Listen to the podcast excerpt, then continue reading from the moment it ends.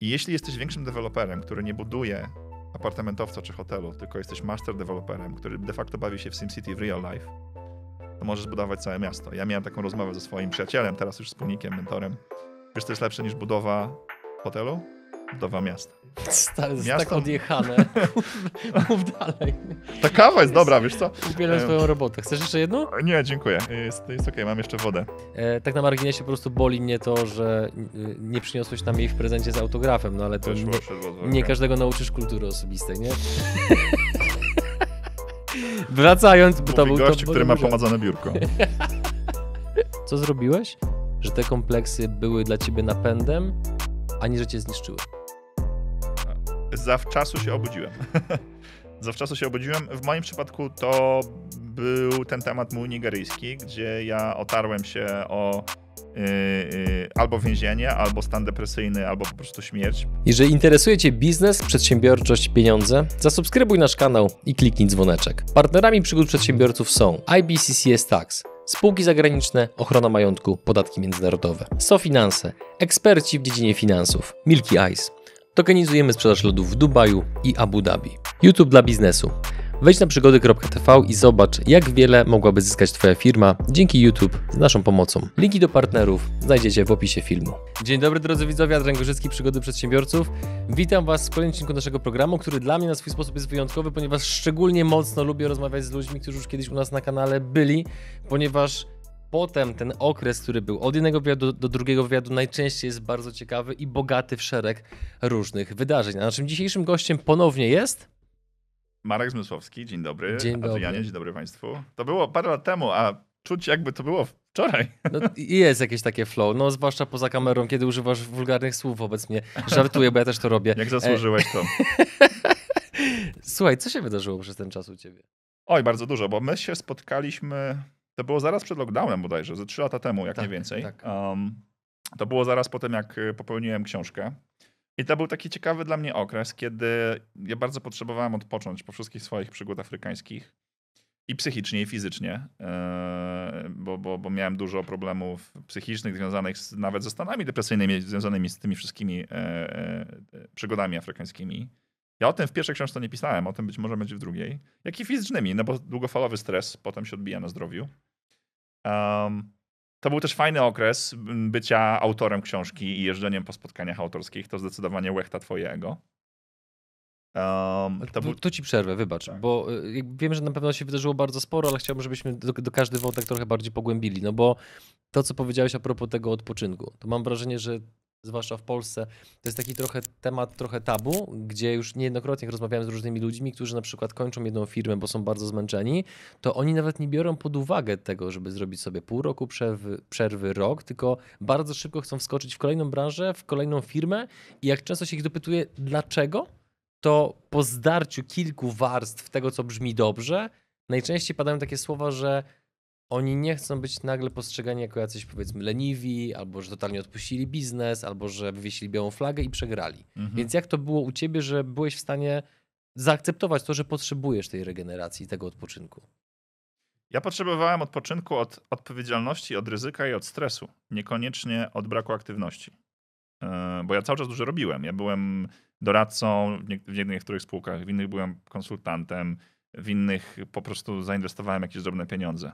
Dla mnie ważne było to, żeby nie brać odpowiedzialności za przyszłość firmy, takiej całkowitej, bezpośredniej, i za przyszłość moich pracowników. Bo to, było dla mnie, to był dla mnie czas e, magazynowania energii.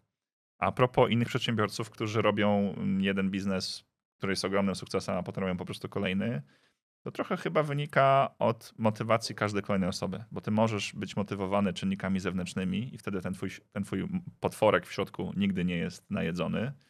I no nie, jedna z lepszych y, motywacji w biznesie to są kompleksy. Eee, tylko, że coś takiego daje ci ogromny sukces w biznesie, ale może cię wyniszczyć długofalowo. A co innego jest mieć motywację, kiedy masz poczucie jakiejś misji, wizji, jakby znasz siebie, jesteś spokojniejszy. Eee, Kiedyś jest taki podcast na YouTubie, który często mi był pokazywany jako reklama. To było akurat fajne, bo goście powiedział, że jak ktoś po, lubi podróżować bardziej niż docierać do celu, to zajdzie dalej. Mhm. Eee, I to, to chyba coś jest z tym związane. Więc w moim przypadku bardziej to, było, to był odpoczynek psychiczny niż jakby zejście, zejście z aktywnością. Nie? Jak to się dzieje, że kompleksy są mocnym napędem w biznesie? Rozwiń to proszę. Hmm.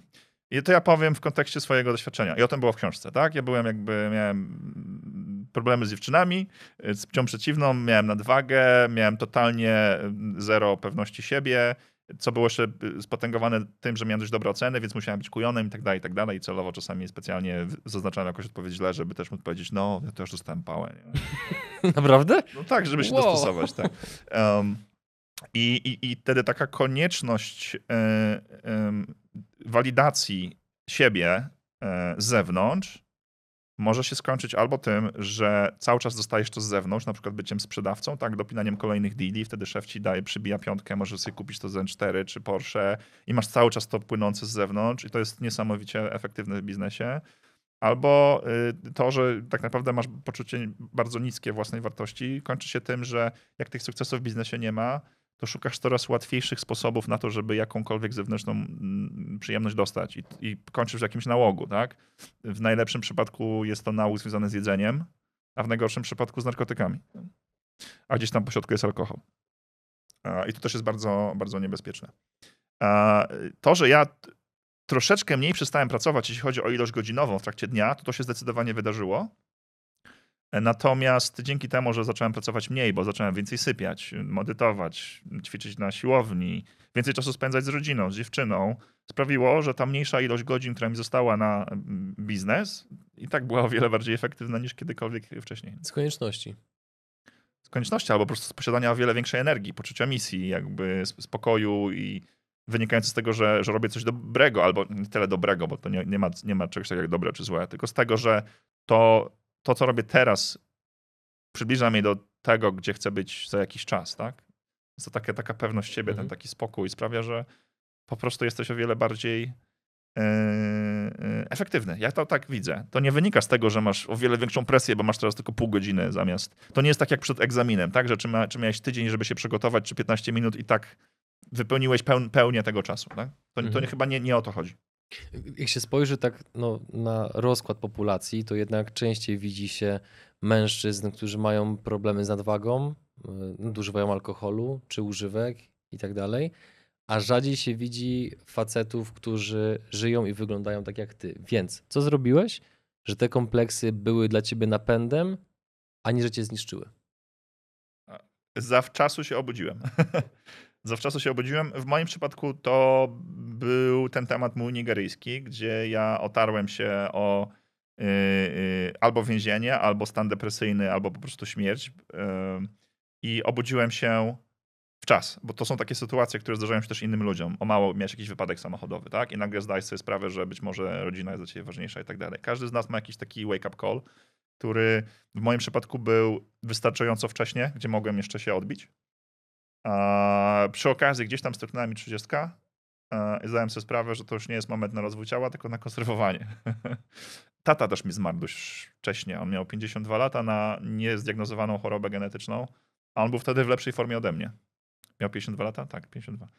E, I to też był jakiś tam wake-up call. I na przykład teraz jakby robię, od tego zaczęło się zaczęło, że robiłem regularne badania i tak dalej, i tak dalej. I, i zdałem sobie sprawę, że chciałem rozmawiać ze sobą językiem, który znam, czyli językiem biznesu. Za dużo jest ludzi biznesu, menadżerów, którzy dokładnie wiedzą, gdzie idzie każda złotówka w firmie, znają każdą komórkę w swoim Excelu w planie finansowym, a nie robili badań krwi 10, od 10 lat. Tak? Natomiast jeśli zaczniesz rozmawiać ze sobą językiem, który kochasz, czyli językiem biznesu i zaczniesz traktować swoje biomarkery jak KPI w firmie i zaczniesz traktować swoje ciało i umysł jak swój startup, to to jest jakiś dobry początek. I w moim przypadku przez... Ciekawa analogia. Tak, no bo znana dla ludzi biznesu. Mhm. I to, tak, to jest tak jak w diecie, nie? Najlepsza dieta to jest taka, której się trzymasz. Eee, więc ona nie musi być perfekcyjna, ale ważne, żebyś próbował. Ja gdzieś tam miałem taki okres fascynacji kulturystyką. I od kulturystów się nauczyłem, mi daleko od kulturystów oczywiście, ale ja od kulturystów nauczyłem się bardzo wiele w biznesie. Bo tam chodzi o to, żeby robić bardzo dużo testów a propos zmiany formy ćwiczeń, diety, no, oczywiście kulturyści też nie, nie, nie mówią nie e, sterydom i tak dalej, ale to nie o to chodzi. Chodzi o to, że oni się nauczyli robienia masy testów naraz i analizy bardzo dokładnej, jak twoje ciało reaguje na pewne zmiany czynników zewnętrznych, czy to jest ćwiczenie, czy dieta. Warunek ceteris paribus, że naraz zmieniasz tylko jedną rzecz. Żebyś wiedział, czy to, że coś się zmieniło w outcomie w wyniku zewnętrznym, wynika z, z konkretnej zmiany na wejściu. To, to, ja się nauczyłem tego w biznesie. Znaczy, to, to, to przełożyłem na biznes albo na odwrót. Tak, zauważyłem tą analogię. Kolejna rzecz, w zarządzaniu zespołami. Im lepsze masz nawyki w zespole, im lepsze masz nawyki swoich pracowników, tym mniej musisz zarządzać nimi przez y, czas, a zarządzasz nimi przez cele. Tak?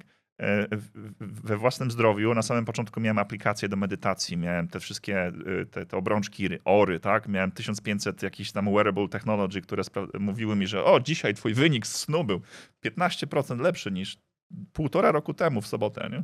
To jest wszystko nieistotne, ale na jakimś etapie nauczyło mnie zdrowszych nawyków i w tym momencie już lepiej, e, lepiej potrafię czytać swoje ciało. Jak wchodzisz na siłownię, to nie chodzi o to, żeby dzisiaj zgodnie z zeszytem zrobić dokładnie tyle wyciskań na sztandze i musisz mieć pół kilo więcej niż zrobiłeś to 3, 3 tygodnie temu, tylko posłuchaj się swojego ciała, może dzisiaj tylko zrobisz kardio albo rozciąganie. Widziałem dużo analogii między dbaniem o własne zdrowie psychiczno-fizyczne i biznesem i przez te analogie w, w, w, w, obszarze życia, który był dla mnie najważniejszy bez dwóch zdań, który mnie prawie zabił, czyli biznes, zbudowałem balans. Tak to u mnie było. I mhm. o tym też będzie moja druga e, książka. Już jest jej tytuł znany? Nie, jeszcze nie ma. A jest w twojej głowie? Tak. A powiesz go tutaj? Nie, bo zaskupisz domenę. A nie, jeszcze nie jest skupiona? Idąc dalej, zostawmy już temat y, kompleksów. Co się działo dalej? Przez te tak, więc, 3 lata. Więc byłem zaangażowany w kilka spółek i byłem takim, wiesz, takim bąkiem skaczącym z kwiatka na kwiatek, y, któremu się to podobało, ale dzięki temu się nauczyłem bardzo wiele i to jest super, jak się ma swoje palce w wielu, wielu rzeczach naraz, bo szczególnie w mojej branży, ja na koniec dnia jestem sprzedawcą, wizjonerem, marketingowcem, i, i, czy też przedsiębiorcą od 0 do 1, czyli ja się najlepiej czuję w tych najbardziej chaotycznych początkach każdej firmy, to to, że jesteś w wielu biznesach naraz albo po kolei bardzo szybko, tak jak konsultanci, tak bardzo cenieni z tej wielkiej czwórki, to mi też dużo dało. I na przykład e, zaangażowałem się w projekt Biblia Audio Superprodukcja, gdzie zrobiliśmy de facto największą produkcję audio na świecie, tak się trafiło, że jest to produkcja biblijna, e, bo tam jest 980 postaci w tym tytule literacko-historycznym, więc mamy, mamy produkcję hiszpańską z prawie tysiącem aktorów, tak, z, z efektami dźwiękowymi i tak dalej.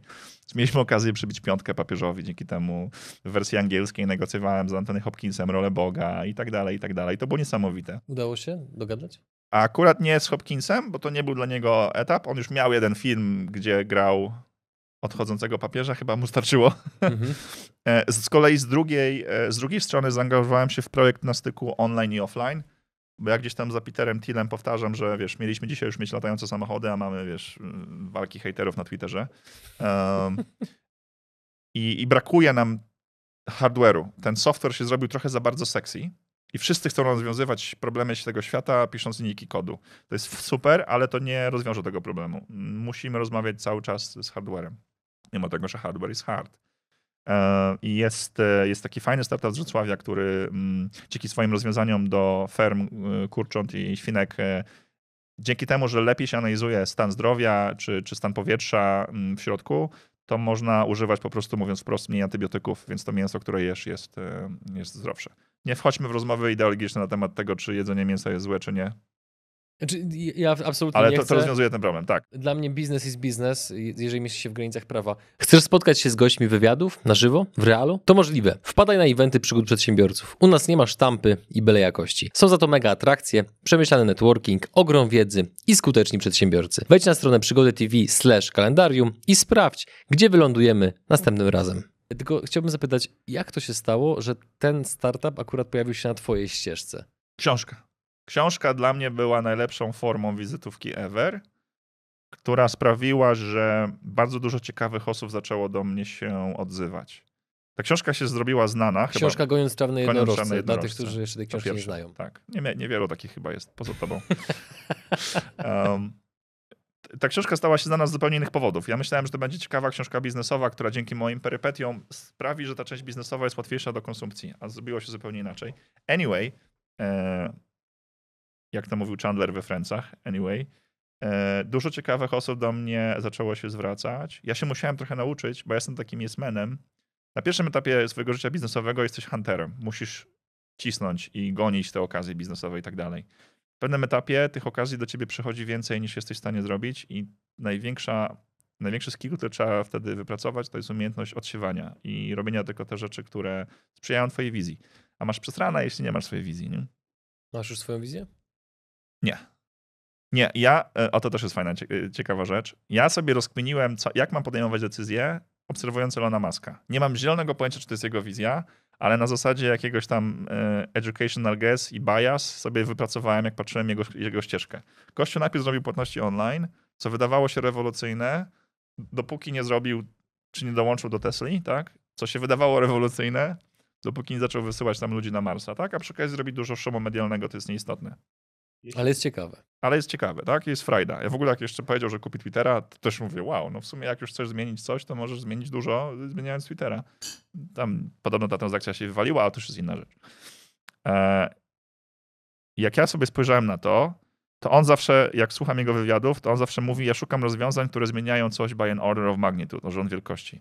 Czyli każdy jego biznes rozwiązuje pewien problem i zmienia sposób funkcjonowania świata o rząd wielkości. Więc jeśli ty nie wiesz, co chcesz robić za lat 10, ale masz do wyboru teraz trzy rzeczy, trzy biznesy, w które chcesz się zaangażować, to zastanów się, który z nich, o ile wyjdzie, jak będziesz miał kolejne trzy rzeczy do wyboru, da ci o wiele większy wybór, tak? Czyli jakby który z biznesów pozwala tobie awansować w jakiejś tam kategorii, nie wiem, wpływania na świat, czy to można też przełożyć na pieniądze, tak? Że ten biznes daje mi miliony, a kolejny chce, żeby dawał mi miliardy. Ale ty możesz tą kategorię zmiany o rząd wielkości twoich możliwości przesunąć, albo jeśli chodzi o po- pro- y, pomnożenie pieniędzy, albo wewnętrzna satysfakcja, albo zmiana czegokolwiek innego. Po prostu to skwantyfikuj i, i, i trzymaj się zasady y, rząd wielkości. I wtedy nie musisz mieć planu na lat 10, musisz mieć tylko plan na, na najbliższą decyzję. Tak? I wtedy będziesz przez pączkowanie rósł. Tak to sobie rozkminiłem. Um, Rozmawialiśmy o fermach. Fermy, kurczę, tak. Ale przede wszystkim e, poznałem Lecha Kaniucha, bo on też wtedy e, napisał książkę, nie ma przypadku w życiu, spotkaliśmy się i on powiedział, wiesz co, fajnie by było w sumie kiedyś zrobić razem biznes. A ja mówię, no fajnie by było. No i tak się rozstaliśmy. Nie? E, Lech się wtedy zaangażował e, w biznes swojego brata, w firmę e, budującą dachy solarne. Sunroof. Sunroof. Dachy solarne dwa w jednym. Bo po co mieć dach, a potem kłaść panele, skoro możesz mieć coś dwa w jednym, co ładnie wygląda, jest bardzo konkurencyjne cenowo i, i generuje więcej prądu, albo co najmniej tyle samo. E, I ta firma zaczęła się stawać. Na, znaczy, ta firma była na styku pewnych trendów, które się nagle pojawiły, czyli rozwój e, e, energii odnawialnych, szczególnie ze słońca, e, auta elektryczne i, i jeszcze parę innych rzeczy. I Lechowi, Lech chciał zbudować fajne teamy ludzi, którzy potrafią tą firmę zamienić z firmy rodzinnej, konstrukcyjnej na, na szybko rosnący startup. I, I zaprosił do tego biznesu też Rafała Pluteckiego. I mówię, kurde, Lech Kaniuk i Rafał Plutecki, wiesz, tacy no fajni goście, jeśli chodzi o tą branżę, od których mogę się dużo nauczyć. No to ja nawet bym pizzerię z nimi otworzył, nie? Bo wiem, że czegoś mogłem się od nich nauczyć, bo każdy z nas przynosił do stołu coś ciekawego. Mówię, dobra, robimy to. No i zaczęło się wesoło, bo tam tydzień po tym, jak się dogadaliśmy, to wybuchł lockdown, więc pierwszą rundę finansową robiliśmy totalnie zdalnie. A potem się jeszcze pojawiło bardzo dużo rzeczy, bo po lockdownie wydarzył się opóźnienia w produkcji yy, materiałów konstrukcyjnych, dachowych i tak dalej. Potem był problem z kanałem sueskim, potem wszystkie surowce poszły do góry 100%.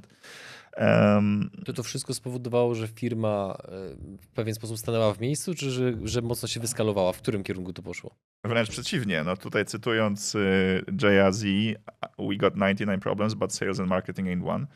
E, My bardzo szybko rośliśmy. W 3 lata urośliśmy od kilkunastu osób do ponad 100. y, Revenue wzrósł dwu- dwudziestokrotnie, z miliona do ki- do 20 euro e, czy dolarów, to teraz już to samo. Mm, Ale co, co jest bardziej zabójcze dla firmy niż brak przychodów? Zbyt szybki rozwój. E, Więc my może byliśmy bardzo szybko rosnącą firmą, ale finansowaliśmy się zewnętrznie z pieniędzy inwestorów, bo to jest to bardzo kapitałochłonny biznes, gdzie trzeba najpierw bardzo dużo zamówić, bo może my byliśmy szybko rosnący, ale dla takiego producenta gdzieś tam z Chin czy z Maroka to my byliśmy nikim, bo jedna fabryka w rok robi tyle, co Polska cała zużywa. E, Klient oczywiście nie płacił nam z góry, bo w Polsce przez długi okres mieliśmy rynek klienta. Mm, To się zmieniało, ale w każdym razie klient nie płacił z góry. Um, Więc trzeba było bardzo dużo rz- rzeczy zostawiać yy, i im więcej sprzedawałeś, tym miałeś większy problem cashflowowy, a nikt nam nie chciał dać kredytu obrotowego, bo byliśmy przecież startupikiem, tak? Z perspektywy banku. I, I potem y, opóźnienia przez lockdown związane z fabrykami były dodatkowo jeszcze spotęgowane kanałem sueskim, czyli tym kryzysem, gdzie jeden statek się stanął w pokrzep. A na koniec dnia wybuchł kryzys na Ukrainie. Y, Kryzys. Wojna wybuchła. Rosja zaatakowała y, Ukrainę i bardzo duża część naszych dekarzy była z Ukrainy i część z nich wróciła walczyć, część z nich zaczęła budować kamizelki kuloodporne. E, To był niesamowity roller coaster dla wszystkich founderów, a szczególnie dla Lecha, który był tutaj głównym motorem napędowym tej firmy, bo on na, najwięcej własnego majątku zostawił, żeby tą firmę rozwijać. Oczywiście inni founderzy też e, bardzo dużo ryzykowali e, finansowo, ale rundę inwestycyjną musieliśmy kolejną robić w bardzo nieciekawym e, e, momencie. Ile ty ryzykowałeś swojego kapitału? Jeżeli to nie jest tajemnica? E, To, to nie było więcej niż kilkaset tysięcy złotych. Także ja raczej bym nie. y, by- bym się, bym się z tego wylizał. E, Natomiast y, no Lechu musiał sprzedać, on już o tym powiedział publicznie, kilka swoich mieszkań, żeby, żeby w tą firmę mm, dalej e, prowadzić, dopóki nie zamykaliśmy e, kolejnej rundy. W zależności od tego, jak patrzeć i jak liczyć, to zebraliśmy między 22 22 miliony euro. Będzie jedna z większych rund na rynku, która pozwoli nam spokojnie sp- przez, przez spokojnie, nie mówię wolno, spokojnie, ze spokojem psychicznym dalej rozwijać tę firmę, bo mamy realną szansę być jednym z, być globalnym liderem, bo w Europie jesteśmy na pewno już top 3. Natomiast mówię to o tym jako y, taki case study, że mm, ba- bardziej zabójcze niż brak revenue może być zbyt szybki wzrost. No teraz pytanie, no bo przez minione 2-3 minuty, kiedy mówiłeś o tej, tak no w telegraficznym skrócie, o tej ścieżce, którą przeszedł Sanurów, która no nie była usłana różami, chyba że mamy na myśli kolce, to z tego się jawi pewnego rodzaju Armagedon, który wręcz wy musieliście przejść. Więc co spowodowało, oprócz tego, że finansowaliście spółkę również prywatnymi pieniędzmi, że jednak was te wszystkie wydarzenia po prostu nie zabiły biznesowo? No, każdy z nas już to przechodził wcześniej i każdy z nas czuł i wiedział, bo nauczył się tym, na, nauczył się tego przede wszystkim na własnym przykładzie, że od spektakularnego sukcesu do spektakularnej porażki jest bardzo niewiele. E, I każdy z nas to kiedyś przechodził. Firmy nam bankrutowały albo prawie zbankrutowały, się udało. I tylko, tylko founder wie, jaką wojnę musiał przeżyć, żeby pewne rzeczy potem wyglądały jak taki um, łatwiejski sukcesik w pulsie biznesu. E, tylko, że jak jesteś młodszym przedsiębiorcą, to jesteś napędzany głównie jakąś tam wewnętrzną złością, potrzebą udowodnienia czegoś sobie albo komuś, a potem z wiekiem przychodzi bardziej spokój, opanowanie, taka wiara, że to wyjdzie, tylko trzeba pchać. E, I no i fakt, że no, nawet jak coś nie wyjdzie, to jednak jeszcze nie, to nie będzie tak, że teraz będziesz musiał iść do kamieniołomów, tak? Tylko, że jednak jakąś tam poduszkę zawsze, zawsze masz. To nie ukrywajmy, że w Silicon Valley kreatywności bardzo przysłużyło się to, że te firmy garażowe, które powstawały, no to były firmy, które powstawały w garażach rodziców, których było stać na dom z garażem. Więc, więc spokój, ale też jakiś, jakiś spokój wynikający z doświadczenia, czy też jakiejś poduszki finansowej na pewno pomaga Mhm. e, w tego typu sytuacjach, ale ta poduszka bardzo szybko się kończy, tak? Jeśli, mm, jeśli się nie działa i się nie, nie wykonuje pewnych ruchów. I też jest bardzo ważne, żeby w takich sytuacjach w pewnym momencie móc powiedzieć dość, bo, bo jest cienka linia między desperacją a determinacją. Mhm. Jak tą granicę zobaczyć? Jak ją dostrzec? Będziesz wiedział po tym, już po będziesz wiedział. Z perspektywy czasu wszystko będzie widać. Mhm. Powiedz mi, nim przejdziemy do kolejnego wątku, który z tego co rozumiem jest takim twoim kolejnym projektem biznesowym, na którym się będziesz bardzo mocno skupiał. Jak ty godziłeś tak różne projekty, bądź jak godzisz je nadal, jeżeli chodzi o twoje takie zasoby, zwłaszcza umysłowe, ale na tle takim bardziej energetycznym, intelektualnym. No bo każdy, kto chociaż odrobinę poczytał różnych lektur biznesowych, interesuje się produktywnością i tak dalej, to doskonale wie, że takiej pracy głębokiej, która jest bardzo mocno powiązana z kreatywnością, nie jesteś w stanie robić 10 godzin dziennie. A ty wymieniasz mm, tak różne firmy, które mają bardzo silny komponent intelektualny, że ciekawi mnie po prostu, w jaki sposób ty tym zarządzałeś, Tak. że byłeś w stanie to godzić. Mhm. No to był taki okres. W pewnym momencie się chciałem już skupić tylko i wyłącznie na sunroofie i to było bardzo Mhm. wartościowe, bo to na dłuższą metę, niezależnie od tego, jakie tipy się nie ma, to po prostu nie działa. Na dłuższą metę to po prostu nie działa.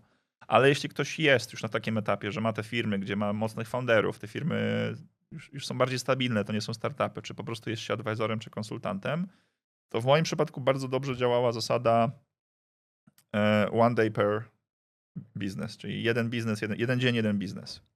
Bo mnie najbardziej bolało energetycznie, kosztowało energetycznie e, przeskakiwanie między tematami. Przełączanie się, tak. Przełączanie kosztuje bardzo dużo energii e, i wtedy zamieniasz się po prostu w kogoś, kto rea- reaguje na maile, reaguje na prośby, reaguje na taski, zamiast bycie, byciem tą osobą, która pcha biznes, czy to operacyjnie, czy kreatywnie.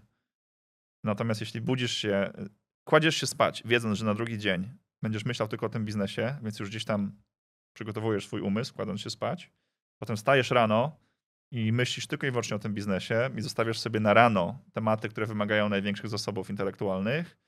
Um, ja jestem takim trochę ekstrawertykiem w, taki, w takim kontekście, że spotkania z ludźmi dodają mi energii, więc mogę spokojnie być wyzuty y, energetycznie, bo byłem na siłowni albo gapiłem się w Excela przez 3 godziny, ale mam jeszcze siłę na rozmowę, dlatego rozmowy sobie zostawiam na popołudnie, a tematy intelektualne przy włączonym telefonie i tak dalej tylko i wyłącznie rano, gdzieś tam z, z przerwą na jakąś siłownię, czy chociażby nawet spacer w połowie dnia, e, ale zawsze w ramach jednego biznesu, Mhm. czyli dzień, dzień rozdzielałem na różnego rodzaju zadania w zależności od potrzeb energetyczno-czasowych, a, a jeden dzień per biznes to mi wtedy na takim etapie pomagało. Kilka razy zdarzyło mi się spotkać z taką opinią od różnych przedsiębiorców, że mm, a propos właśnie rozmów, które robimy z ludźmi, czy to są spotkania fizyczne, czy to są rozmowy zdalne, że jak ci zależy na tym, żeby ktoś nieco bardziej przychylnie spojrzał na propozycję, którą mu składasz, to lepiej się umawiać na telefony czy spotkania raczej przed godziną 12, kiedy właśnie poziom energii i optymizmu u ludzi jest większy, niż w godzinach popołudniowych, kiedy jednak jest spadek energetyczny, mamy ten cały cykl którego teraz nie wymówię, więc nawet nie będę próbował, gdzie po prostu między, często między 14 a 17 ludzie mają taki zjazd energetyczny, który też często wynika z kiepskiej diety, przeładowania węglami w diecie bądź innymi czynnikami. Nie, tutaj się nie chcę wypowiadać, bo za chwilę będzie larum od dietetyków w komentarzu. Niemniej po południu wiele osób ma zjazd energetyczny, kropka. Tak. Więc czy ty obserwowałeś też taką zależność u siebie, że jednak te spotkania popołudniowe rzadziej kończą się pomyślnym rezultatem niż spotkania poranne, czy nie? No jak ja bym był sprzedawcą, to pewnie bym starał się dzwonić rano z uwagi na to, co ty powiedziałeś, bo to rzeczywiście badania potwierdzają. Natomiast to jest tak, że ty musisz sam zarządzać swoim czasem, bo jak tego nie zrobisz, to ktoś inny to będzie robił. Ja już od dawna nie odbieram telefonów, bo dlaczego ktoś inny decyduje, kiedy mam poświęcić swój czas akurat tej konkretnej sprawie? Czy w ogóle nie zbierasz telefonów? Nie, jeśli nie są zaplanowane. Okej. Żyjemy w czasach, gdzie kiedyś się, jak to było? Kiedyś się dzwoniło, czy mogę wysłać maila, a teraz trzeba napisać maila, czy mogę zadzwonić. um, natomiast ja akurat zjazdów, problemów ze zjazdami energetycznymi raczej nie mam, bo jestem na diecie niskokalorycznej, raczej nie jem nic z rana, więc jestem od rana Mhm. w, w ketozie, co pomaga. Czy w ketozie, znowu, żeby dietetycy nie ponosili, czy to ja jestem w ketozie, czy nie, nie, nie mam pojęcia, bo, e, e, bo nie badam się regularnie. Akurat nie, nie mam tego miernika poziomu ketonów e, e, w- wpiętego pod skórę, aż takim frikiem nie jestem. E, miałem taki okres, ale to możemy o tym pogadać. E, po prostu, przez to, że raczej jestem mniej uzależniony od węgli, to mam wyższy poziom energii, nie tyle wyższy, co sta- bardziej stabilny w trakcie całego dnia. A jeśli mam zjazd energetyczny, to zawsze pomaga mi drzemka e, albo jakiś drobny e, ruch fizyczny. Drzemka jest ogólnie jednym z lepszych energetyków. Nawet przebija Red Bulla, co ciężko uwierzyć. Amen. Ja spotkałem się teraz, jak byłem w Gruzji, z, tako, z takimi. Trzy, trzy razy dostałem do pytań do różnych osób, gdzie jak poruszyliśmy się między różnymi punktami, to ja za każdym razem, kiedy wiedziałem, że na przykład mamy 20-30 minut przerwy między poszczególnymi aktywnościami, głowa do tyłu i po prostu zamknięte oczy, jakaś taka delikatna nawet drzemka. Tak. I ktoś się mnie zapytał, ty chory jesteś, że tyle śpisz, czy coś? A ja mówię, słuchaj, e, ja piję generalnie kawę bardzo rzadko, jeżeli już to dla smaku, a nie z potrzeby, więc ja szukam swojej energii po prostu w najbardziej naturalnym mechanizmie. Zamykasz na chwilę oczy, czyścisz głowę, budzisz się potem rzeźki, jesteś uśmiechnięty, pełen energii, masz lepszą pamięć, więc poczytaj o tym, jakie benefity ma Power Nap, bo robienie go to jest naprawdę zbawienne dla twojej wydajności w ciągu Pełna dnia. nie? zgoda. Amen. Mhm. Idąc dalej. E, powiedziałeś nieco wcześniej, że negatywne emocje mogą być pewnym napędem w biznesie. I też tak na marginesie, to już ci też mówiłem przy, poza kamerą, powiem przed kamerą, e, mój wspólnik, który jest wielkim fanem twojej książki, której ja jeszcze nie czytałem, bo on mi prawie ją całą opowiedział, tak sobie to tłumaczę. E, tak na marginesie po prostu boli mnie to, że nie przyniosłeś nam jej w prezencie z autografem, no ale to Wyszło, nie, nie każdego nauczysz kultury osobistej, nie? Wracając, bo to był to, gościu, bo który to ma pomazane biurko. Wracając. E, powiedział mi, że jego najbardziej urzekło w tej książce to, że ty w niej pokazujesz, że praktycznie wyzbyłeś się większości kompleksów. Więc pogadajmy Nie, kompleksów to jeszcze sporo jest, ale na pewno mam na więcej rzeczy. Mm, więcej rzeczy mnie przejmuje niż Okej. kiedyś. Mhm. Em, bo ty powiedziałeś, że dużo osób jest na- napędzanych rzeczami negatywnymi. Ja bym był daleki od użycia słowa negatywne, pozytywne i tak dalej. Okej. Złe, dobre. Może rzeczywiście negatywne, pozytywne bardziej pasuje niż złe czy dobre. Są tego typu mechanizmy wewnętrzne, te potrzeby wewnętrzne, które są bardzo efektywne w biznesie. Mm, Jakaś tam potrzeba walidacji zewnętrznej, która sprawia, że musisz e, bardzo się skupić na tym, jak wyglądasz, tak? Coraz lepsza koszula, y, zawsze barbershop, czy po prostu coraz lepsze auta, garnitury. No to sprzyja biznesowi, tak? Bo chcesz więcej zarabiać, a żeby więcej zarabiać, to, to trzeba pracować i tak dalej, i tak dalej, i tak dalej. I biznes nauczył się tego typu potrzeby wykorzystywać. I to jest na krótką metę bardzo efektywne, ale może bardzo szybko też kogoś, e, e, mówiąc wprost, zabić albo wyniszczyć, e, wypalić. E, No na przykład e, kompleksy, czy konieczność walidacji zewnętrznej, która wynika najczęściej z braku wewnętrznego spokoju, który może wynikać z braku niskiej wartości. Ja nie jestem psychologiem, ja się na tym nie znam, ja mówię z perspektywy własnej, własnego doświadczenia. E, Może się kończyć z tym, że jak w biznesie nie idzie najlepiej, to co, po co innego sięgamy, co ci daje zewnętrzną walidację? W najlepszym wypadku słodycze, jedzenie, najtańsza forma do dorzucenia sobie dopaminy. W gorszym przypadku alkohol, a w najgorszym przypadku narkotyki i wtedy ludzie mogą zniknąć z, planszy w parę miesięcy. E, Więc na to trzeba bardzo, bardzo uważać, bo to jest taki obosie, oboś, obosieczny miecz. Jak wiele rzeczy w życiu może pójść w złą stronę. Technologia czy, czy wewnętrzna, zewnętrzna walidacja. Mhm. Czy ty przerabiałeś taki okres, że czułeś, że chyba idziesz w niewłaściwym kierunku, jeżeli chodzi właśnie o zewnętrzną walidację? Zdecydowanie. E, I to się u mnie zaczęło wtedy, kiedy miałem te problemy e, nigeryjskie, o których pisałem w książce. W książce pierwszej było dużo o walce z korupcją, z Nigerią, z Interpolem i tak dalej, ale, ale nie było o tym, że największa walka była w środku z demonami, tak? z depresją i z różnymi formami szukania dopaminy. Tymi zdrowszymi bardziej i tymi mniej. I o tym też będzie w drugiej książce Mhm. nie tylko o zdrowiu fizycznym, ale tak naprawdę o tym, że zdrowie psychiczne jest, je- jest elementem najważniejszym, no, już nie, nie, nie oceniajmy, jest niesamowicie ważnym elementem zdrowia fizycznego. E, I o tym będzie druga książka, gdzie, gdzie najważniejsze KPI -e, mm, to są KPI -e własnego ciała, biomarkery i tak dalej, i tak dalej. Ja sobie tak to wszystko wmawiałem e, i mówiłem do siebie językiem, który znany jest dla mnie, e, językiem biznesowym, bo w ten sposób używałem, tak w ten sposób poszukiwałem swoją podświadomość i, i, i wykorzystywałem te wszystkie swoje mechanizmy, które były efektywne w biznesie, ale niszczące dla zdrowia. To tym językiem zacząłem poprawiać swoje zdrowie i też mm, fizyczno-psychiczne. I o tym będzie w drugiej książce, że twoje, ciało i twój głowa, twoja głowa, twój najważniejszy, twój najważniejszy startup i wszystko nagle działa potem lepiej. Możesz pracować mniej, ale dzięki temu, że śpisz więcej, że masz większy spokój, że masz więcej czasu dla rodziny czy dziewczyny, e, mniej stresów, nie dlatego, że masz mniej obowiązków, tylko że sobie le, le, le, lepiej radzisz ze stresem, bo mieć stresujące życie to znaczy albo mieć mało stresujące życie, tylko nie radzić sobie ze stresem, albo mieć bardzo dużo stresu w życiu, ale dobrze sobie z nimi radzić. Dla mnie w obu przypadkach to moż, można mieć mało stresujące życie. Um, Gdybyś miał uchylić lekko rąbka tajemnicy, co pozwala ci obecnie zachowywać taką. Ja to widziałem u ciebie już wtedy, a teraz widzę, to, że to jest jeszcze bardziej wzmocnione. Taka charakterystyczna aura spokoju. To bije od ciebie. Taka trochę homeostaza. bar był po drodze. Mentalno-fizyczna, duchowa, nawet nie wiem jak to tak y, ująć w słowa. Jakby co, co powoduje, że, że, że ten spokój tak od ciebie bije? Mm, Kluczem jest świadomość mechanizmów, które tobą sterują, które normalnie dzieją się w podświadomości. Że w momencie, w którym zdajesz sobie sprawę, że ta złość, bo coś się wydarzyło jest spowodowana tym, że jakiś mechanizm biologiczno-nerwowy się odpali u ciebie, w momencie, w którym to łapiesz, stajesz się obserwatorem i przejmujesz kontrolę nad tym. Podaj jakiś przykład taki bardziej praktyczny, namacalny.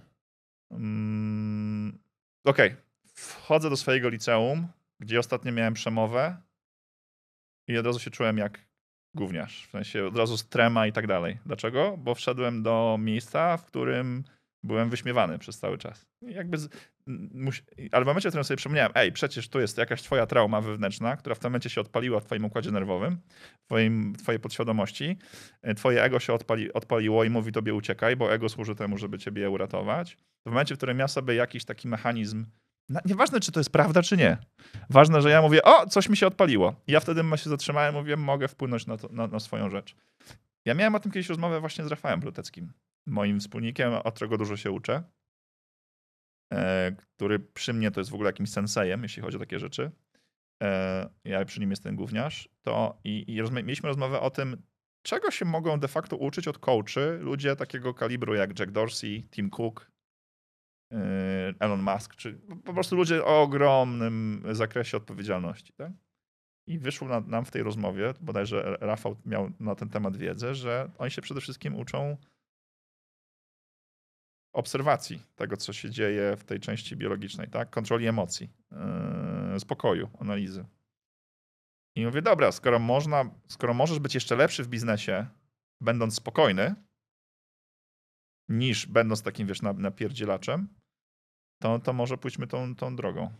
I, I wiesz, i takie wyłap, bo to można, to można, wiesz, możemy gadać długo a propos, wiesz, medytacji, lepszego, lepszego snu, o tym, jak byłem, wiesz, w Puszczy Amazońskiej i tam y, y, eksperymentowałem z jakąś medycyną i tak dalej, to być może też będzie w drugiej książce. Była E, ayahuasca? Słucham? Była ayahuasca? Tak, była w kraju, w którym to było legalne. E, I, i, i, było bardzo dużo sposobów na, na, na, na zrozumienie siebie, które gdzieś tam wynikały. Nie wiem, czy to był kryzys wieku średniego, ale jest taki moment, w którym ci się mniej chce, bo ci się wydaje, że wszystko już przeżyłeś, tak? Twój, twój organizm przychodzi na autopilota i w zasadzie wszystko, co się wydarzy, to ty już wiesz, co ci to może dać. I to już jest, tak, taki smutek związany z tym, że nic już nowego nie może się wydarzyć. I od tego się zaczyna najczęściej kryzys wieku średniego. Nie wiem, podobno. I y, ja gdzieś tam miałem po trochę potrzebę zadbania o siebie, bo 30 mi stuknęła, tata mi umarł w młodym wieku, miał 52 lata, był wtedy w lepszej formie ode mnie. Moje problemy ze stresem, które się przerodziły w problemy fizyczne, problemy z wątrobą i tak dalej, e, też mnie zmusiły tego, żeby zacząć o siebie dbać. I ja przez dbanie o zdrowie fizyczne gdzieś tam zacząłem też szukać i też nagle zrozumiałem, że zdrowie psychiczne jest, jest, jest niesamowicie ważne również. Nie? I jak te rzeczy zaczęły się układać, to w biznesie też się zaczęło układać. W jaki sposób dbasz o zdrowie psychiczne? Na co dzień e, medytację, dobry sen, e, e, staranie się wyłapywania tego, co się wydarzyło w trakcie dnia i gdzie zadziałało jakieś autopiloty i przeprocesowanie tego i spróbowanie, żeby to się nie powtórzyło. Mam coacha. To nie jest psycholog ani psychiatra, natomiast jest to zdecydowanie coach, który dba, czy zwraca uwagę na moją sferę duchowe to jest złe słowo, du- duchowo-psychiczną. Mam taką wspaniałą e, kobietę, która z jednej strony jest doktorem medycyny, a z drugiej strony spędziła 20 lat w, klasztorze w Tybecie. E, I to jest dla mnie niesamowite, bo gdzieś tam mam taką potrzebę zrozumienia, jak inne kultury sobie, sobie radziły. Tak? I na czym polega ta mądrość tych wielotysięcznych e, kultur, czy ideologii, czy filozofii. Um, no zdecydowanie dużo czytam na ten temat. Natomiast trzeba być bardzo świadomym tego, żeby nie wpaść w tak zwany duchowy materializm, tak? Czyli ty de facto dzięki temu, że się rozwijasz duchowo, yy, żywisz swoje ego i myśl, tobie się teraz wydaje, że a ja teraz tą przewagę duchową wykorzystam gdzieś indziej. Yy, I de facto zamiast pilnować tego swojego ego i być bardziej świadomym, to stajesz się jeszcze większym jego niewolnikiem. No, więc ja załóżmy czytam, jak czytam trzy książki, to czy- czytam jedną książkę o biznesie, jedną o zdrowiu, a drugą może o jakiejś tam sferze duchowej. Yy, I i no i tyle. No i tam tych takich rzeczy jest, jest, jest dużo, ale jak miałbym wybrać jedno, to mi najbardziej I a przede wszystkim, co trzeba zaznaczyć, ja jeszcze jestem daleki od e, ideału. Ja jeszcze najdalej wczoraj się mega na coś wkurzyłem i tam leciały różne słowa. To, co dzisiaj powiedziałem tobie, to nic, nie? um, tak, tak. W twojej wyobraźni, spoko.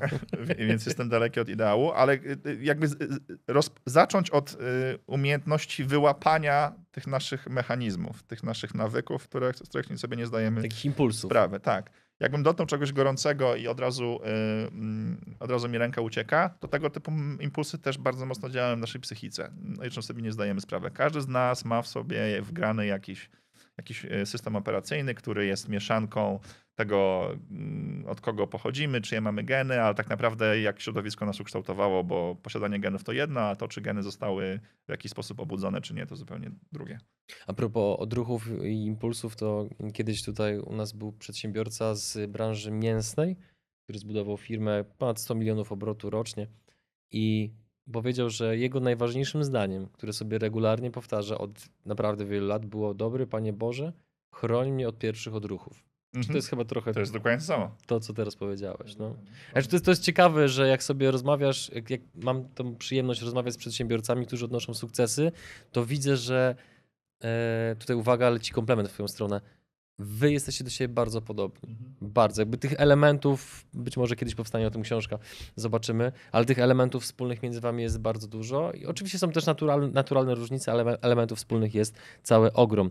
Idąc dalej co biznesowo robisz teraz? Jakie są plany na, na, najbliższy czas, na najbliższe lata? Czy masz jakąś swoją wizję zbudowaną? Kontynuuję, co się jeszcze u mnie wydarzyło, żeby gdzie w tym słowotoku była, była jakaś puenta. Okej. Okay.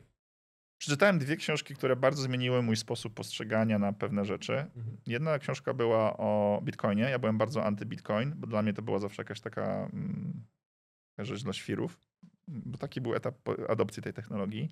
Ta książka się nazywa hard Money You Can't Fuck With, która mówi, że bit, przyszłością Bitcoina może być bycie środkiem płatniczym, ale to jest nawet nieistotne. Ważne jest to, że najważniejszą bi y, przyszłością Bitcoina może być zastąpienie złota, bo jak się zastanowimy, dlaczego złoto jest złotem, to sobie zdamy sprawę, że Bitcoin ma wszystko to, co ma złoto, plus jeszcze parę rzeczy lepszych, plus jeszcze nie ma tych rzeczy złych, które ma złota. I mówię, dobra, to to może być ciekawe. I, i zdałem sobie sprawę, że jak od, od, na razie przestaniemy słuchać tych wszystkich ludzi, którzy tam dorobili się na Bitcoinie, latają private jetami i, każą, i każą nam kupić cyfrowe małpy z NFT. Zastanowimy się nad tym, co de facto zmienia blockchain, czyli decentralizacja baz danych i zwiększenie bezpieczeństwa otrzymania pewnej wartości. To to może zmienić naprawdę wszystko na świecie. Eee, przede wszystkim chodzi o decentralizację bazy danych, bo potem możesz zastąpić systemy hipoteczne, bardzo dużo rzeczy w całej naszej ekonomii. Tylko Ludzie, którzy teraz zajmują się blockchainem, i znowu nie mówię o tych, co spekulują i latają private jetami, tylko o tych, co budują ten software. To są ludzie, którzy są przy okazji przypadkowymi miliarderami, no bo sobie to odkopali trochę tego bitcoina.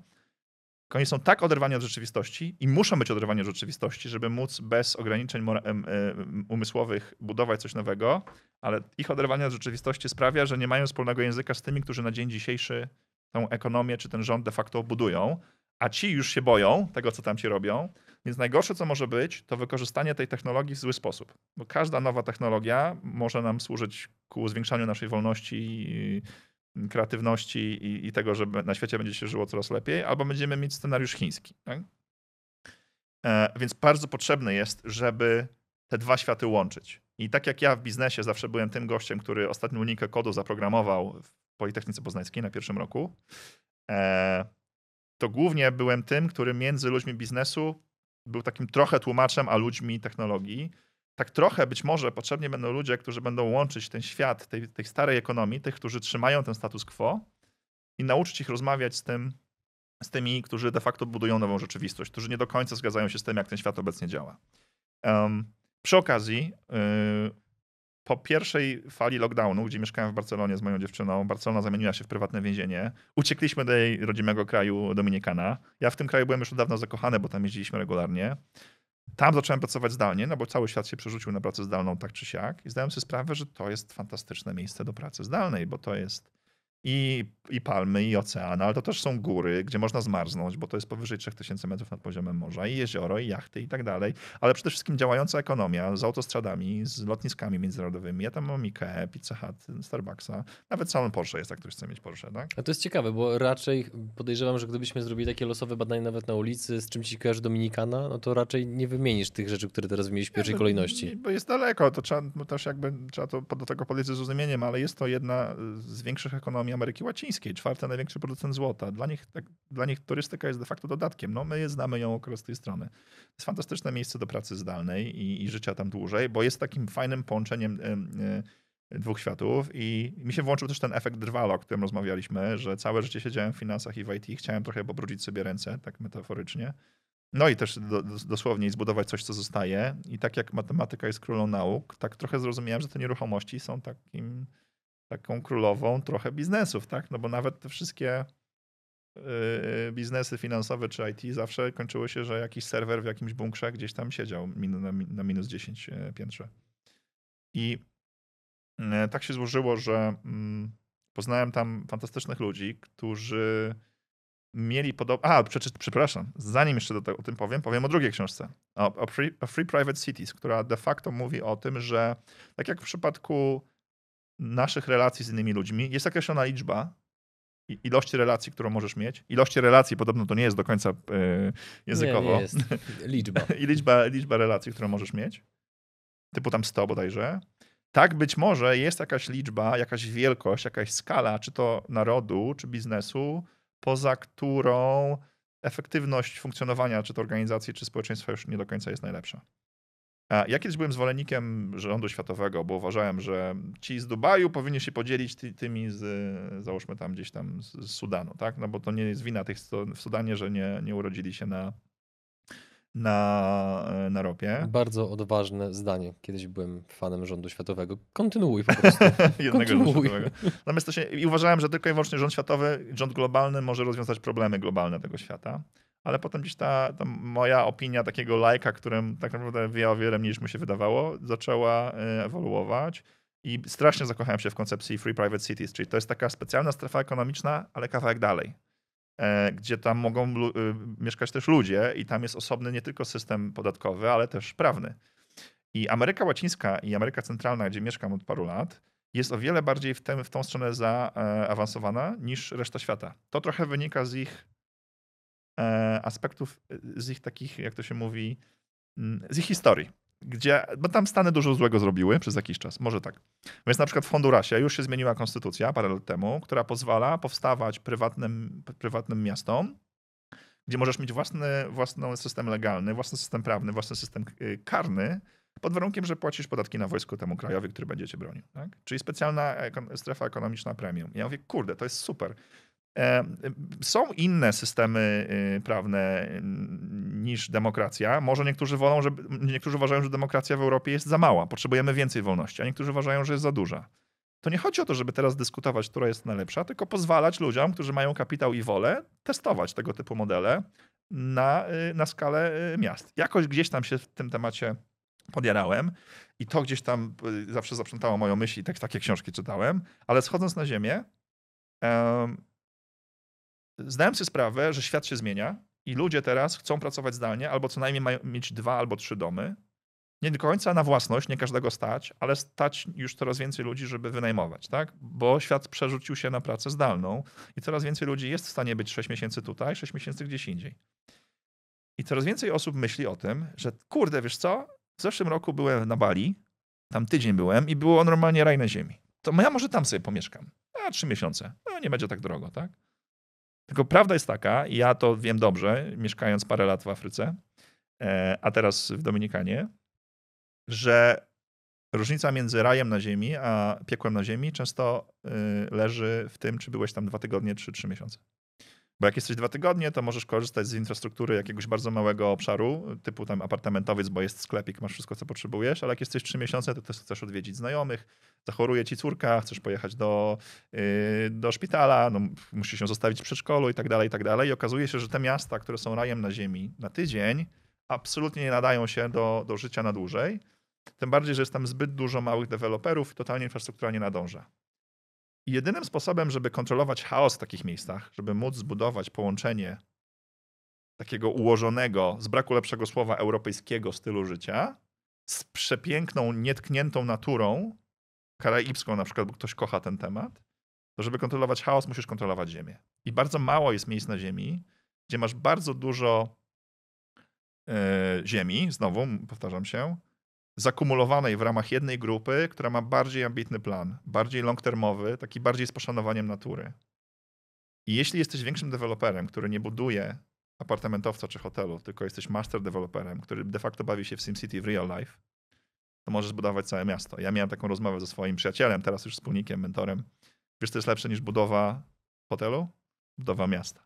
I okazuje się, że model biznesowy miasta też jest całkiem fajny, bo budujesz masterplan, pewne rzeczy budujesz sam, pewne rzeczy znajdujesz inwestorów, następnie otwierasz spółki, które dostarczają prąd, wywożą ścieki, zajmują się wynajmem, transferem i tak dalej. Stary, jest tak odjechane. Mów dalej. Ta kawa jest dobra, wiesz co? Uwielbiam swoją robotę. Chcesz jeszcze jedno? Nie, dziękuję. Jest, jest okej, okay. mam jeszcze wodę. E, I okazuje się, że, że model, model funkcjonowania miasta też jest świetnym modelem biznesowym, tak? Jak, jak kiedyś sobie zawsze mówiłem jako startupowiec, że kiedykolwiek mam pracować w korporacji, to chcę, żeby to była własna. To mi nie wyszło. Tak? Kiedyś chciałem być burmistrzem albo jakimś merem jakiegoś, jakiejś wioski, ale to już nie, abstrahując.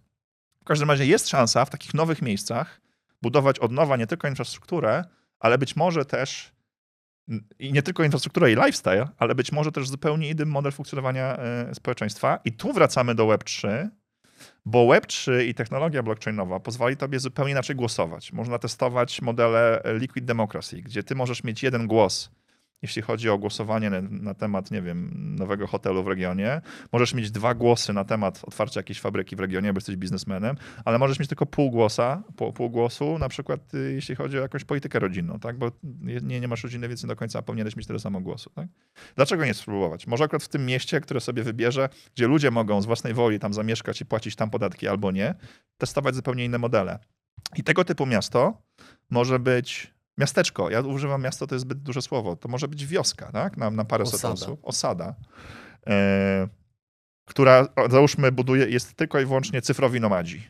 E, albo osada tylko i wyłącznie prezesów spółek IT, którzy mają tam swój drugi dom i masz sąsiadów, z którymi możesz coś rozmawiać. Anyway, tego typu osady, tego typu nowe, nowe miasta czy wiosteczki, poza tym, że masz, masz szybki internet i pracujesz zdalnie, i poza tym, że masz góry, plaże, palmy i co, kitesurfing, cokolwiek tam chcesz, to może być też nowej generacji e, inkubator biznesów, inkubator startupów. Startupy software'owe potrzebują darmowego biura, wirtualnego adresu i pani, która w twoim imieniu będzie odbierała pocztę. Tak? Ale startupy, które chcą rozwinąć i zmienić coś w funkcjonowaniu społeczeństwa, jako testing ground potrzebują miast, wiosek, kawałka ziemi, gdzie ludzie mieszkają. Tak? A tak jak ci mówiłem wcześniej, ci ludzie, co budują to tam w piwnicach u swoich rodziców, nie do końca wiedzą, jak rozmawiać z burmistrzami obecnych miast.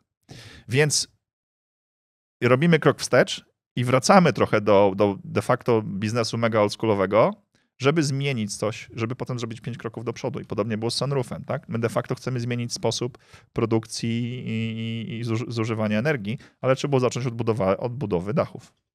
Ale ty jesteś dobrym, kurde, sprzedawcą, nie? Jakby wiem, że za chwilę przejdziemy do tego wątku, Tu jest wniosek że... na mieszkanie, poczekaj.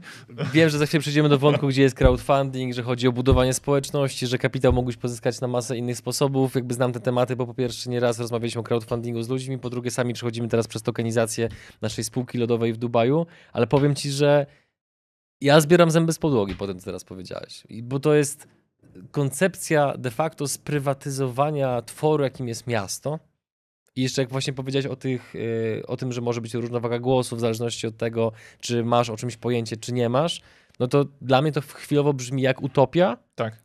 Ale utopia w tym sensie, że ja byłbym gotów i to pewnie kurczę zrobię, okazując ci wielki szacunek i sympatię, że ja, ja chcę dołożyć swoją cegiełkę do tego, mhm. bo mm, koncepcja demokracji, gdzie dwóch jegomości uzależniając od alkoholu może przegłosować kogoś ekstremalnie wykształconego i bardzo, i bardzo doświadczonego życiowo, biznesowo, jakkolwiek, no według mnie musi być kolejny etap ewolucji mhm. nas, nas, jako społeczeństwa. Nie wierzę w to, że demokracja czy obecny kapitalizm jest ostatnim stadium, które jako cywilizacja możemy wymyślić. Tak. I chodzi o to, że ja nawet nie muszę być proponentem tego, o czym powiedziałem. Ja jestem proponentem tego, żeby próbować i żeby, żeby ludzie mieli możliwość próbowania nowych modeli, które nie muszą być. Przede wszystkim my nie musimy szukać jednego najlepszego modelu funkcjonowania społeczeństwa na świecie. Dlaczego? Dlaczego? Musi być walka między komunizmem a demokracją. Miejmy sobie setki miast i każdy ludzie sobie tam żyją jak chcą. Jak się ci nie podoba, to, to sobie przechodzisz. To oczywiście, ten model oczywiście ma bardzo wiele wad i tak dalej, ale nie o to chodzi, żeby teraz się sprzeczać, który model jest lepszy. Chodzi o to, żeby się sprzeczać, że jak chcemy spróbować, powinniśmy mieć prawo. I to jest to, to, jest to utopijne podejście i, i tak jak ci powiedziałem, yy, nie tyle utopijne, co ambit, ambitne i, i long-termowe. I ono jest bardziej realne w krajach Ameryki Południowej i Karaibskiej, bo tam to prawo bardziej nadąża, żeby te specjalne strefy ekonomiczne były też specjalnymi strefami rezydencyjnymi, zabezpieczonymi konstytucją i tak dalej, i tak. Ale na koniec dnia to też jest dochodowy biznes, tak? Bo, bo można prowadzić dochodowe miasta, tak? Dubaj, Hongkong, może przed przejęciem przez, y, y, przez Chiny, Monako. Y, jest tak nawet parę miast w Stanach, na wschodzie, bodajże w Delaware, które, no, no, wiadomo, tam jest jeszcze Federacja Stanów, to nie są takie typowo prawdziwe, wolne miasta, ale są już krok dalej. I, i, i to jest frajda i to może być dochodowe, a przy okazji można testować nowe modele, modele funkcjonowania społeczeństwa i można testować nowe startupy. I na koniec dnia, ja jako startupowiec, chcę mieć własny inkubator, startupów opartych na blockchainie, które są skupione na tym, żeby zmieniać sposób funkcjonowania prawdziwych społeczeństw, tych w real life. Nie kolejny marketplace dla NFT, nie kolejny serwis e, randkowy, czy kolejna gra, bo tego już jest dużo, tylko coś, co wchodzi głębiej z powrotem w offline. Wyprowadź mnie z błędu, bo teraz nie wiem, czy to, co teraz powiem, tyczy się tego, co, o czym rozmawialiśmy poza kamerą, czy przed kamerą, e, ale był taki moment, wątek przez chwilę, a propos tego, że... A mówisz mm, poza kamerą działającą, czy...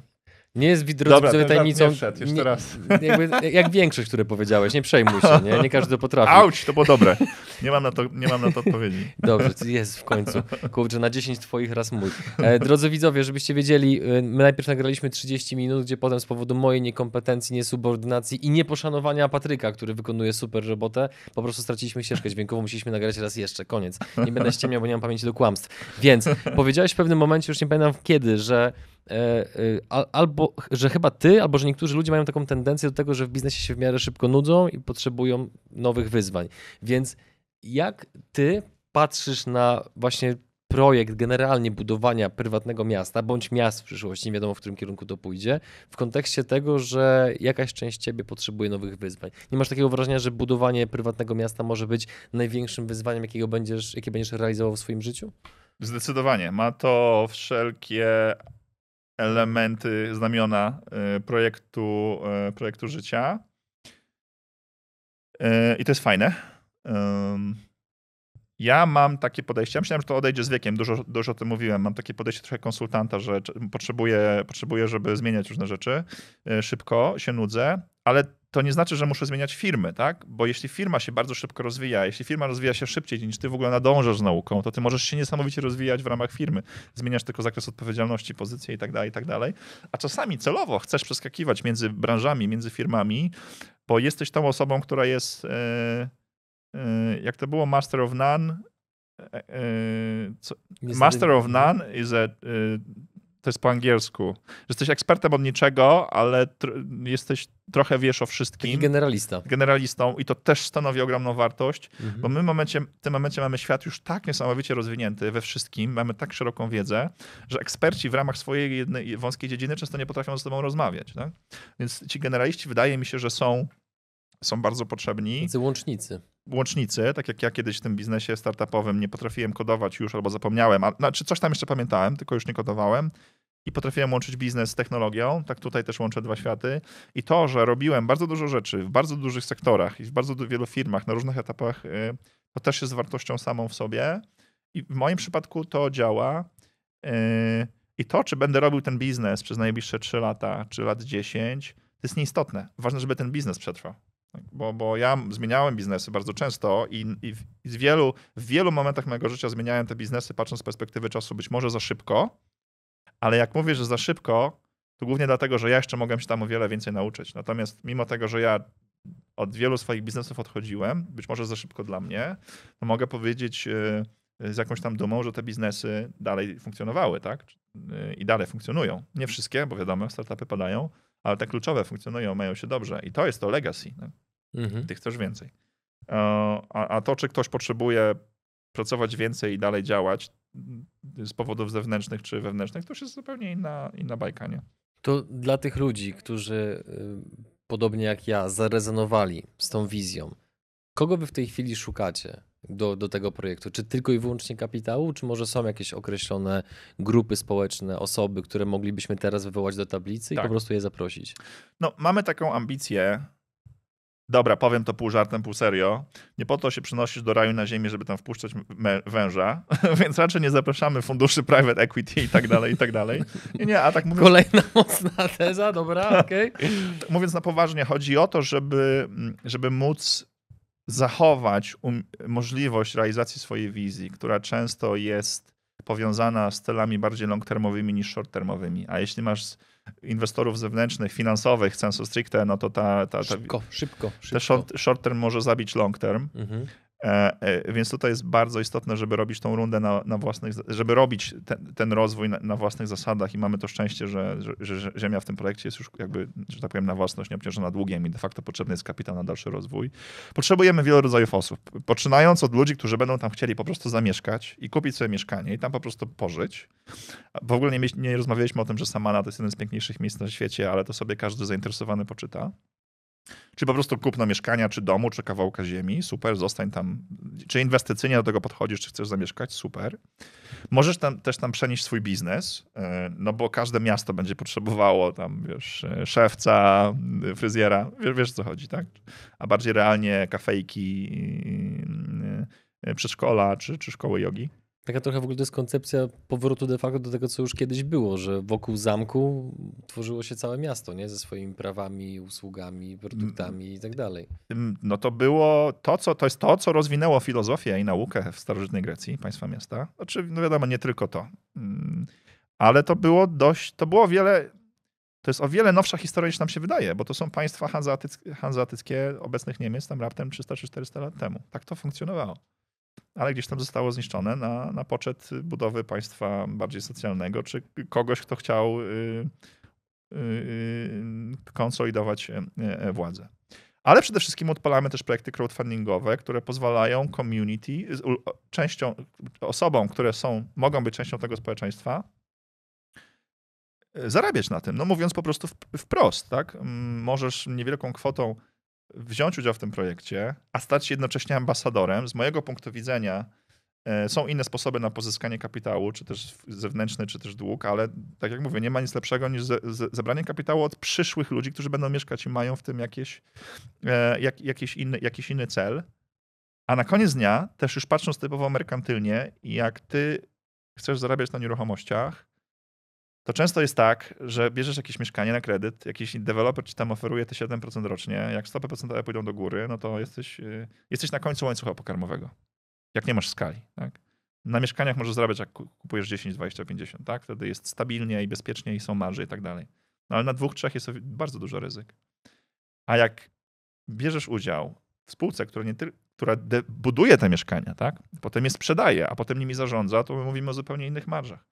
A, a mówimy tutaj o, o projektach typowo yy, kapitałowych, które mają za zadanie zarobić i dla spółki, i dla przyszłych mieszkańców czy inwestorów, a zyski z tego, oczywiście po opłacaniu inwestorów, bo nie każdy, chce, nie każdy powie, wszystko reinwestujcie przez najbliższe 20 lat.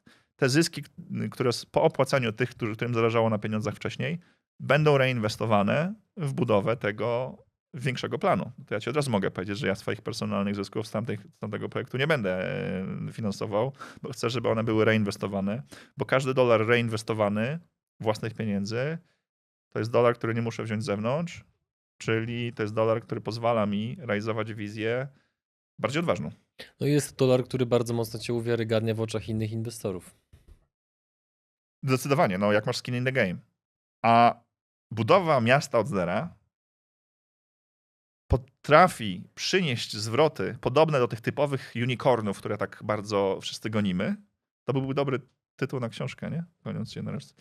E, A jednocześnie mówimy tutaj o zabezpieczeniu w ziemię, o czymś fizycznym, tak? Więc na gorszym wypadku zostajesz z ziemią, która jest bardzo dobra, która nie spadnie na wartości. Tak? To nie jest, yy, to nie jest software, który się starzeje z dnia na dzień. No i jest to ziemia w regionie, który praktycznie marketingowo jest znany na całym świecie. Oj tak. I tam, no ja bym teraz, jakbyś chciał powiedzieć, jakbyś chciał, zapytał mnie, dlaczego Dominikana, dlatego uważam, że Dominikana jest z najlepszych miejsc na świecie, to pomimo tego, że ja tam trafiłem przez przypadek, chociaż nie wierzę w przypadki, to, to bez wątpienia jest to jedno z najlepszych miejsc na świecie do posiadania drugiego swojego miejsca na świecie. W tym miejscu stawiamy kropkę. E, Drodzy widzowie, ci z Was, których zainteresował ten temat i chcecie poczytać więcej na temat tego, co robi Marek, to link oczywiście znajduje się w opisie filmu. A ci z Was, którzy chcieliby z Markiem porozmawiać na żywo, przybić piątkę, spędzić trochę czasu, zap- zapraszamy Was 7 października do Warszawy na nasz event Święto Kapitalizmu 2, gdzie Marek będzie jednym z gości specjalnych na tym wydarzeniu.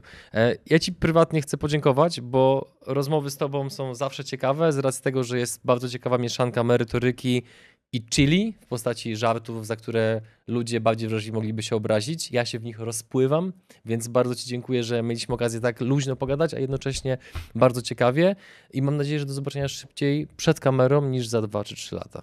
Też mam taką nadzieję. Dzięki za zaproszenie, dzięki za waszą uwagę.